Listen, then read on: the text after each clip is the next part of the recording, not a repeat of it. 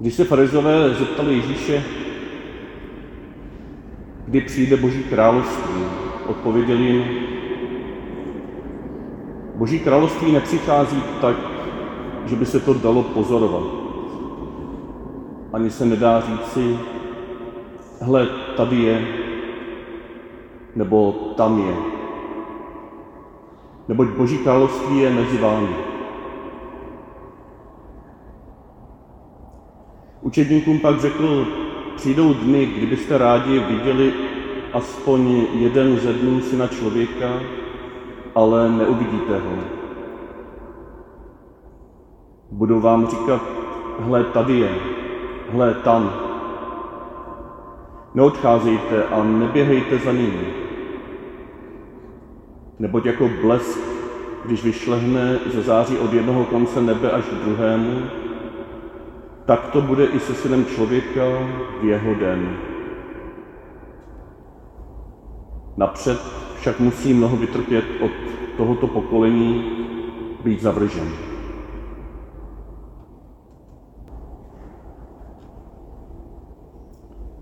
Co si počít s tím druhým Kristovým příchodem? Co si počít s těmi představami, jak to všechno bude těžké, jak to bude překvapivé, jak to bude náročné, katastrofické na konci světa. Jak obstojíme? Kdo vlastně obstojí? A přeci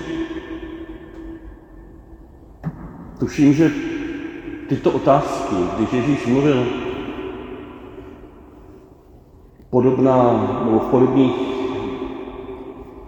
příbězích a vyjádření jako v tom dnešním evangeliu, tuším, že tyto otázky si lidé kolem něj nekladli.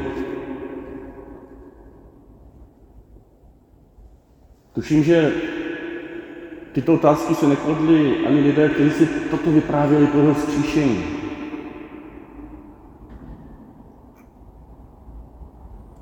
Zvlášť si nekladli potom, nebo možná je napadli, ale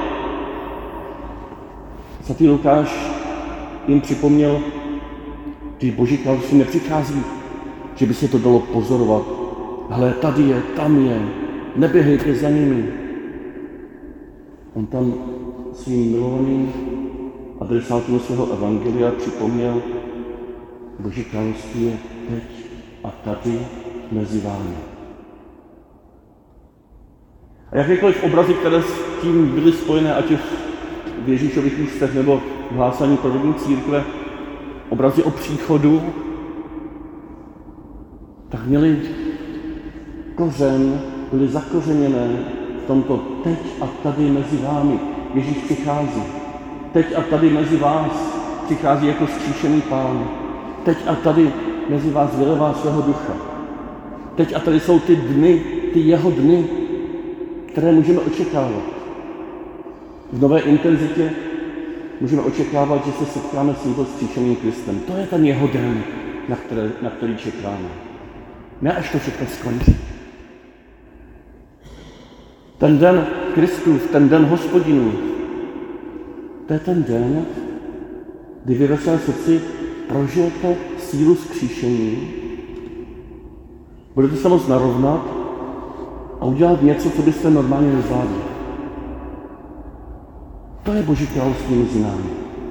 To je to, po čem toužíme, po čem toužili první křesťané.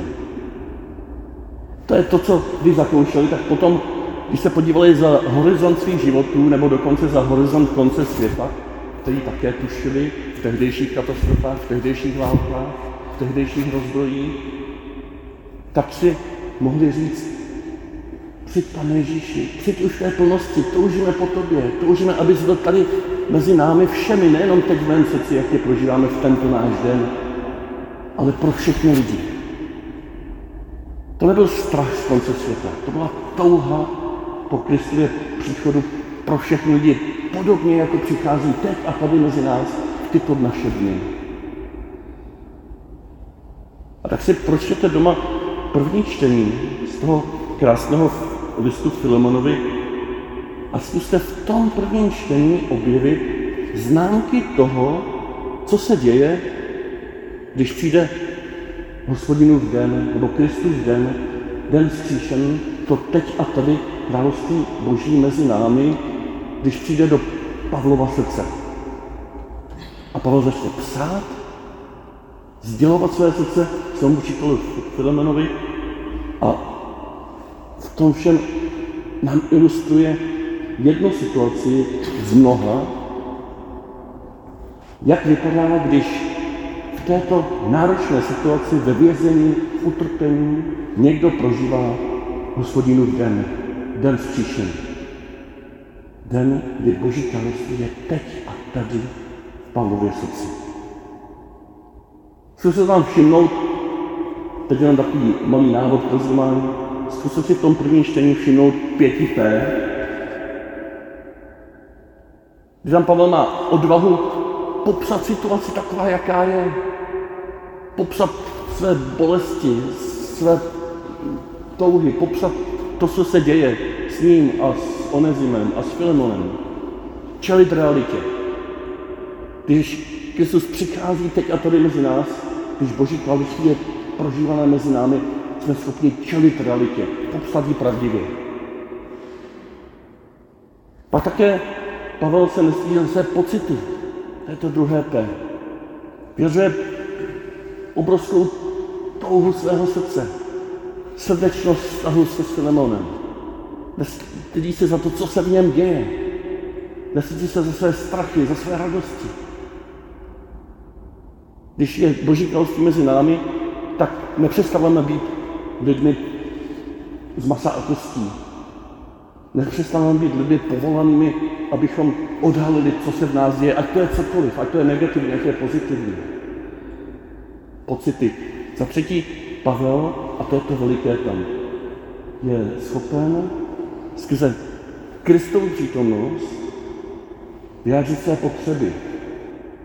Nestydí se za své potřeby. Nestydí se za to, že potřebuje toho Onezima. Nestydí se to jasně, transparentně, bez okouku vyjádřit vůči svému příteli. Nechce ho někam manipulovat, neodchází kolem toho jako kolem horké kaše. Co říká, já potřebuju toho Onezima. Pak tam je to čtvrté P, on vyjádří prozbu, ne příkaz, ale prozbu nebo pokyn nebo ukázání na to, co by mohlo být. Něco praktického. Jak bychom mohli společně prožít naplnění našich potřeb. Potřeb obou z nás, nejenom mých. Prozba. Ve veliké svobodě. Ve svobodě vzkříšeného Krista.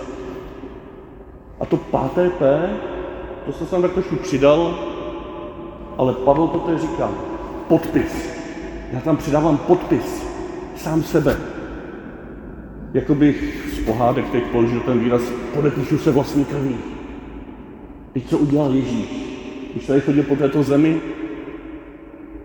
popisoval situaci, jaká je, nádherná, ale i opravdu špatná a hříšná.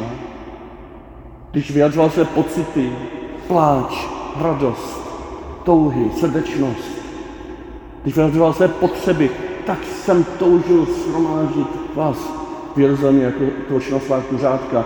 Tak po vás toužím, jako matka touží po dítěti. Tak toužím, abyste byli šťastní. Když vyjádřil vlastně prozbu, pojďte za mnou, tak se podepsal svou krví na kříži.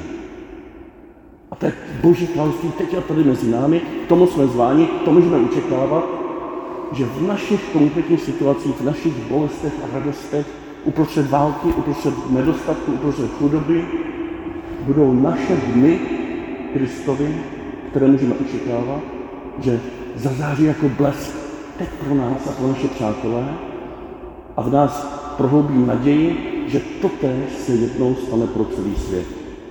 Jak jinak, než takhle můžeme být dnes křesťany.